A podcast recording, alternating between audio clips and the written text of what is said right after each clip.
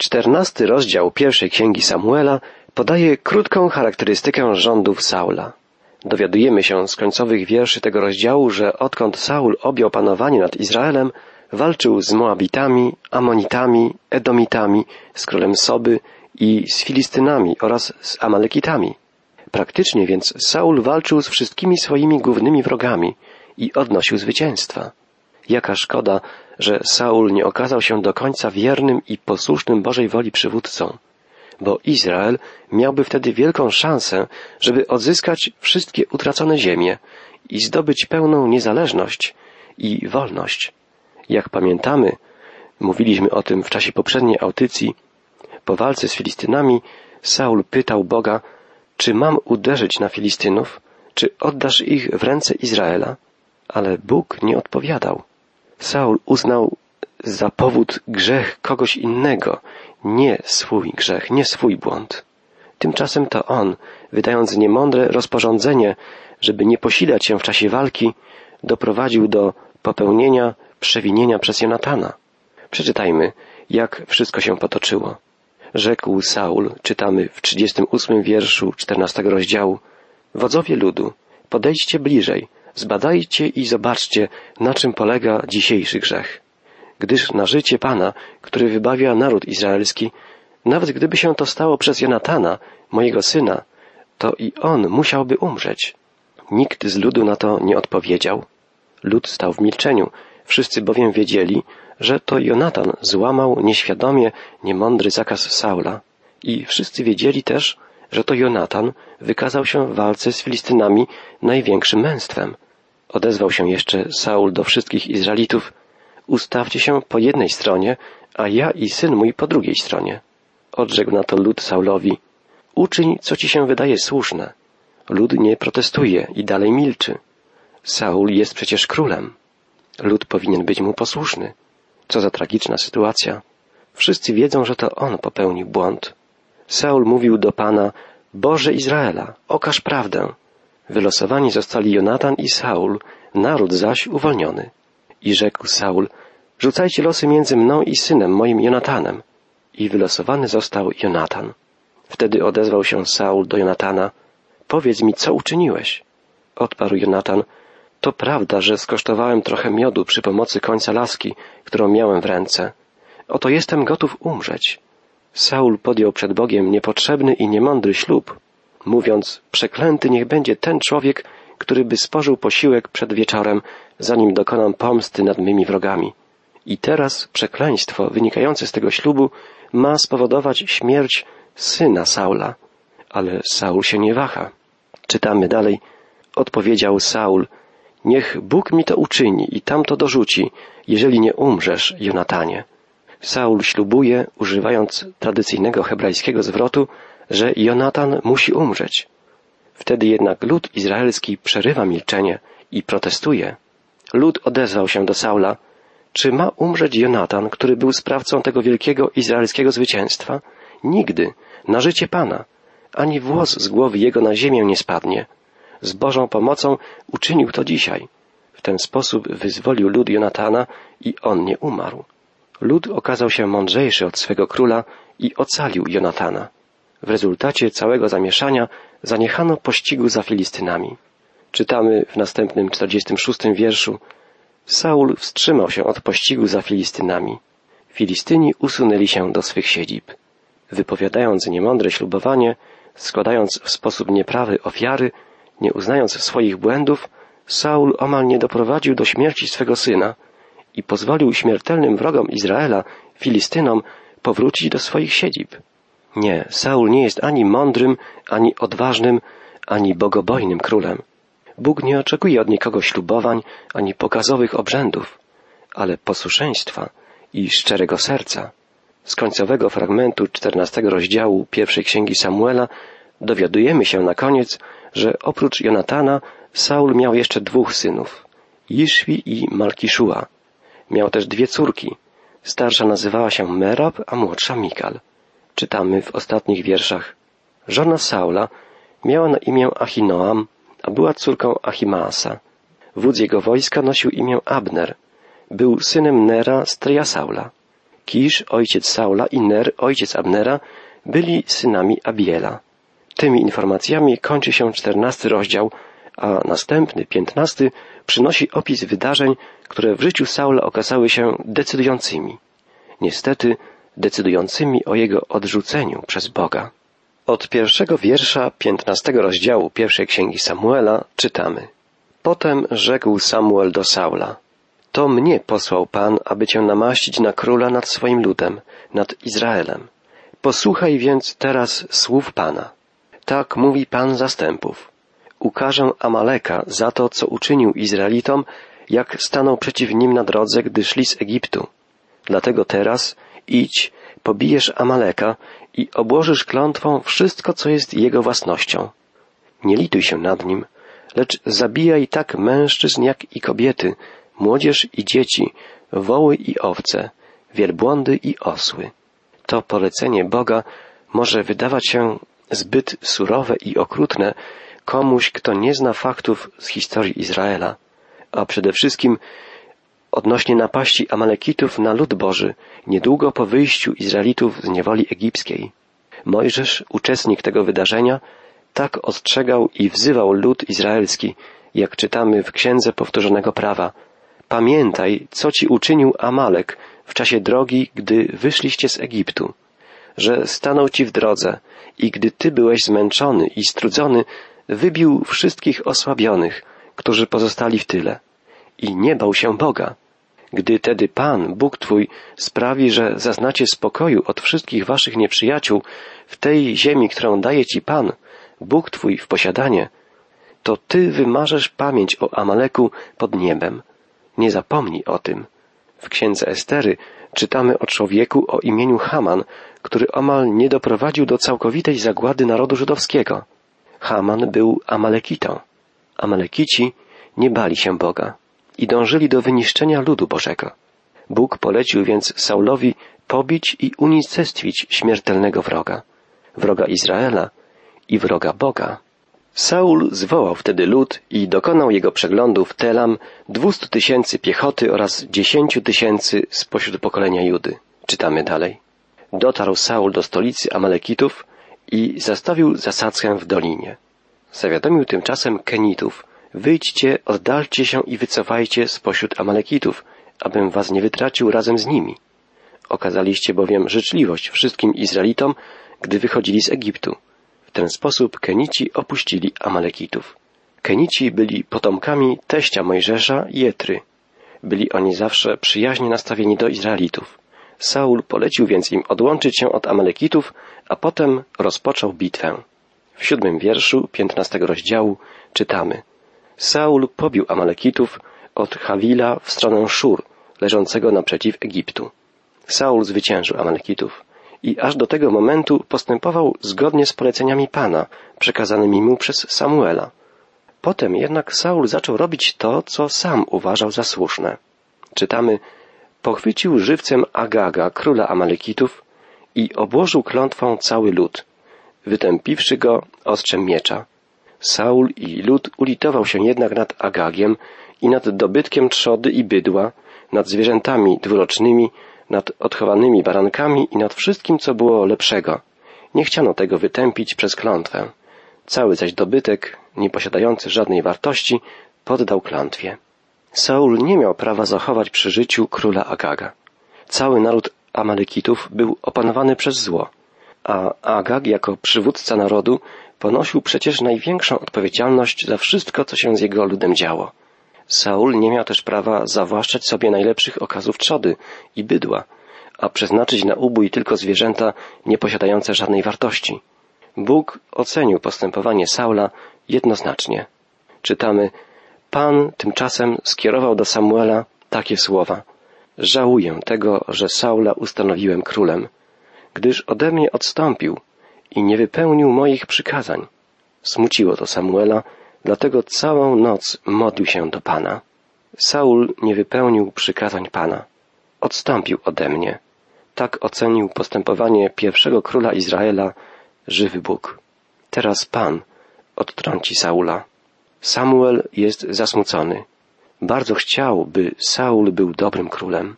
Samuel przez całą noc modli się do Pana. Wstał Samuel, aby rano spotkać się z Saulem. Czytamy dalej. Zawiadomiono jednak Samuela, Saul przybył do Karmelu i tam właśnie postawił sobie pomnik zwycięstwa, a udając się z powrotem, wstąpił do Gilgal. Samuel udał się do Saula i rzekł do niego Saul, niech cię Pan błogosławi. Rozkaz Pana wykonałem. Saul stwierdza, że wykonał rozkaz Boga. Zwróćmy uwagę, jaka była reakcja Samuela. A Samuel powiedział, co to za beczenie owiec dochodzi mych uszu i co za ryk większego bydła słyszę? Odpowiedział Saul, przygnano je od Amalekitów. Lud bowiem zlitował się nad najlepszymi owcami i większym bydłem w celu złożenia z nich ofiary Panu, Bogu Twemu, a to, co pozostało, wytępiliśmy. Jakże wykrętna i nieszczera jest ta odpowiedź Saula. Jego słowa są po prostu kłamstwem. Saul twierdzi, że pozostawił przy życiu najdorodniejsze okazy bydła i trzody, dlatego że chce złożyć z nich ofiarę Bogu. W ten sposób król Izraela chce wyjaśnić Bożemu prorokowi swoje postępowanie, które było jawnym nieposłuszeństwem wobec Bożych poleceń. Nie można tego postępowania Saula nazwać inaczej niż hipokryzją.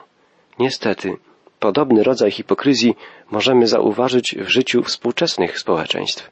Nawet ludzie uważający się za chrześcijan próbują swoje postępowanie wynikające z egoistycznych, samolubnych pobudek nieraz tłumaczyć szlachetnymi, rzekomo zbożnymi motywacjami. Saul udaje, że jest w porządku.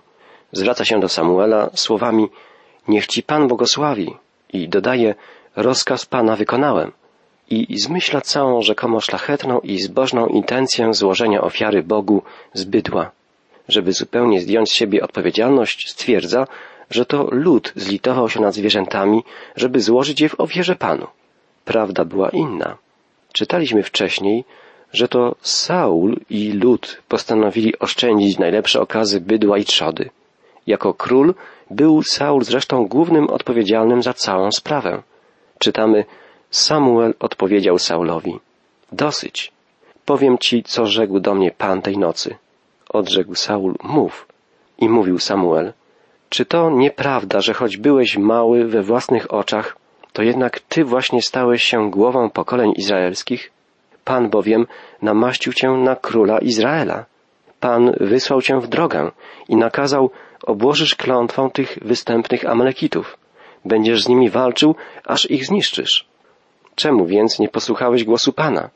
Rzuciłeś się na łup, popełniłeś więc to, co złe w oczach Pana. Saul odpowiedział Samuelowi, posłuchałem głosu Pana, szedłem drogą, którą mnie posłał Pan.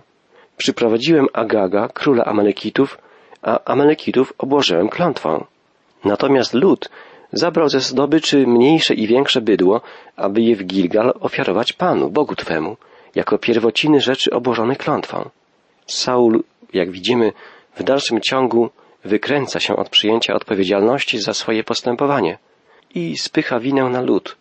Mówi też już po raz drugi do Samuela nie mój Bóg lub nasz Bóg, ale Twój Bóg.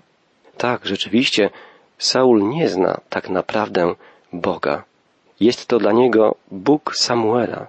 Prorok Samuel odrzekł.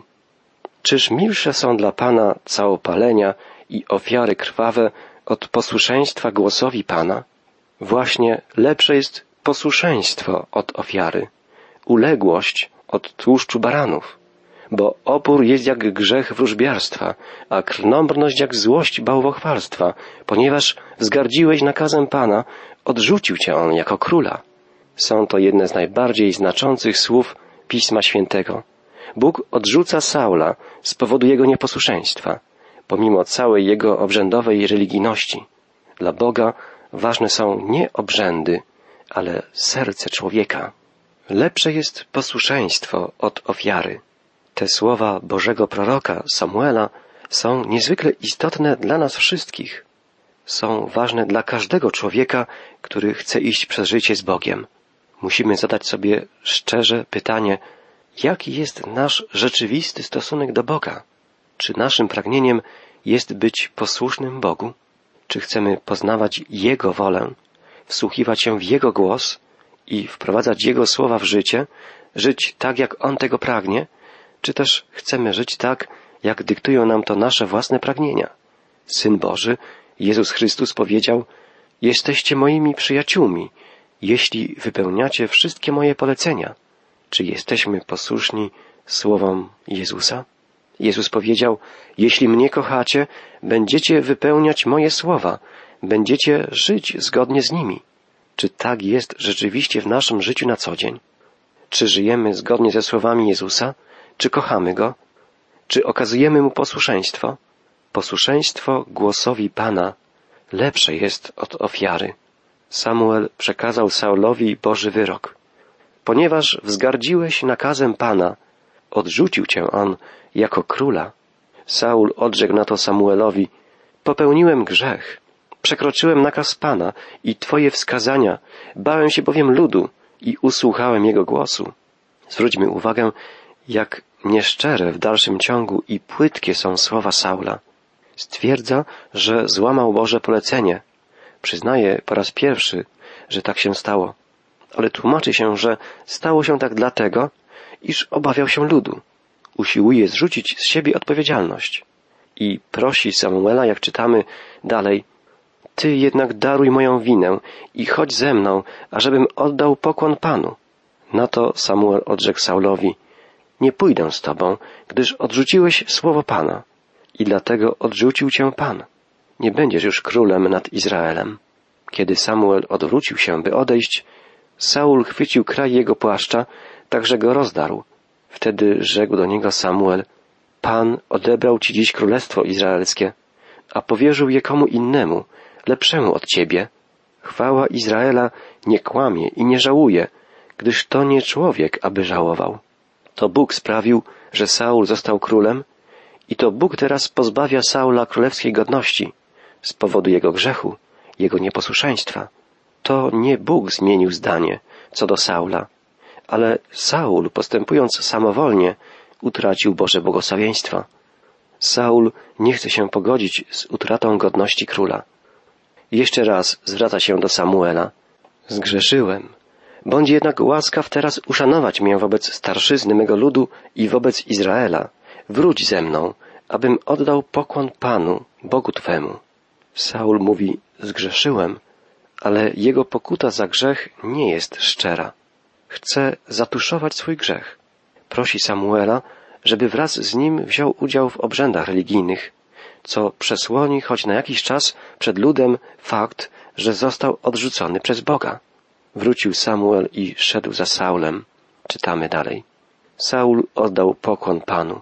Samuel dał potem rozkaz. Przyprowadźcie do mnie króla Amalekitów, Agaga. Agag zbliżył się do niego chwiejnym krokiem i rzekł, naprawdę znikła u mnie gorycz śmierci. Samuel jednak powiedział, jak mieczem swym czyniłeś bezdzietnymi kobiety, tak też niech będzie bezdzietna wśród kobiet twoja matka. I Samuel kazał stracić Agaga przed Panem w Gilgal. Samuel polecił wykonać to, czego zaniechał Saul. Król Amalekitów, Agag, próbował wzbudzić litość Samuela, ale Samuel powiedział mu, dlaczego musi zginąć. Został osądzony przez Boga z powodu swoich grzechów. Dokonywał mieczem morderstw i teraz sam zginie od miecza. Biblia mówi nam, że do nieba nie wejdzie nic nieczystego. Bóg jest Bogiem świętym i w Jego królestwie nie ma miejsca dla ludzi nieuświęconych, nieobmytych krwią Jezusa. Bóg osądzi każdego grzesznika, który nie jest okryty sprawiedliwością Chrystusa. Po uśmierceniu Agaga, mordercy i wroga ludu Bożego, Samuel opuszcza Saula. W końcowych wierszach piętnastego rozdziału czytamy Następnie Samuel poszedł do Rama, a Saul wrócił do swej posiadłości w Gibea Saulowym. Odtąd już Samuel nie zobaczył Saula aż do chwili swej śmierci. Smucił się jednak, iż Pan pożałował tego, że Saula uczynił królem nad Izraelem. Bóg zapowiedział, że jeśli Saul nie będzie mu posłuszny, zostanie odsunięty. Saul zgrzeszył i Bóg go odtrącił. Samuel, Boży prorok, smucił się, że król Izraela został przez Boga odrzucony. Samuel nie pragnął upadku Saula. Zwracał się do Saula w ostrych słowach dlatego że przekazywał osąd jego nieposłuszeństwa w imieniu świętego Boga. Drogi przyjacielu, Bóg osądzi wszelki grzech. Pan jest Bogiem miłującym nas, ale także Bogiem sprawiedliwym i świętym. Jedyny dla nas ratunek to uchwycenie się Zbawiciela, naszego Odkupiciela, Pana Jezusa Chrystusa. Biblia mówi nam, że do nieba nie wejdzie nic nieczystego. Bóg jest Bogiem świętym i w Jego Królestwie nie ma miejsca dla ludzi nieuświęconych, nieobmytych krwią Jezusa. Bóg osądzi każdego grzesznika, który nie jest okryty sprawiedliwością Chrystusa. Po uśmierceniu Agaga, mordercy i wroga ludu Bożego, Samuel opuszcza Saula. W końcowych wierszach piętnastego rozdziału czytamy Następnie Samuel poszedł do Rama, a Saul wrócił do swej posiadłości w Gibea Saulowym. Odtąd już Samuel nie zobaczył Saula aż do chwili swej śmierci. Smucił się jednak, iż Pan pożałował tego, że Saula uczynił królem nad Izraelem. Bóg zapowiedział, że jeśli Saul nie będzie mu posłuszny, zostanie odsunięty. Saul zgrzeszył i Bóg go odtrącił. Samuel, Boży prorok, smucił się, że król Izraela został przez Boga odrzucony. Samuel nie pragnął upadku Saula. Zwracał się do Saula w ostrych słowach, dlatego że przekazywał osąd jego nieposłuszeństwa w imieniu świętego Boga. Drogi przyjacielu, Bóg osądzi wszelki grzech. Pan jest Bogiem miłującym nas, ale także Bogiem sprawiedliwym i świętym. Jedyny dla nas ratunek to uchwycenie się Zbawiciela, naszego Odkupiciela, Pana Jezusa Chrystusa.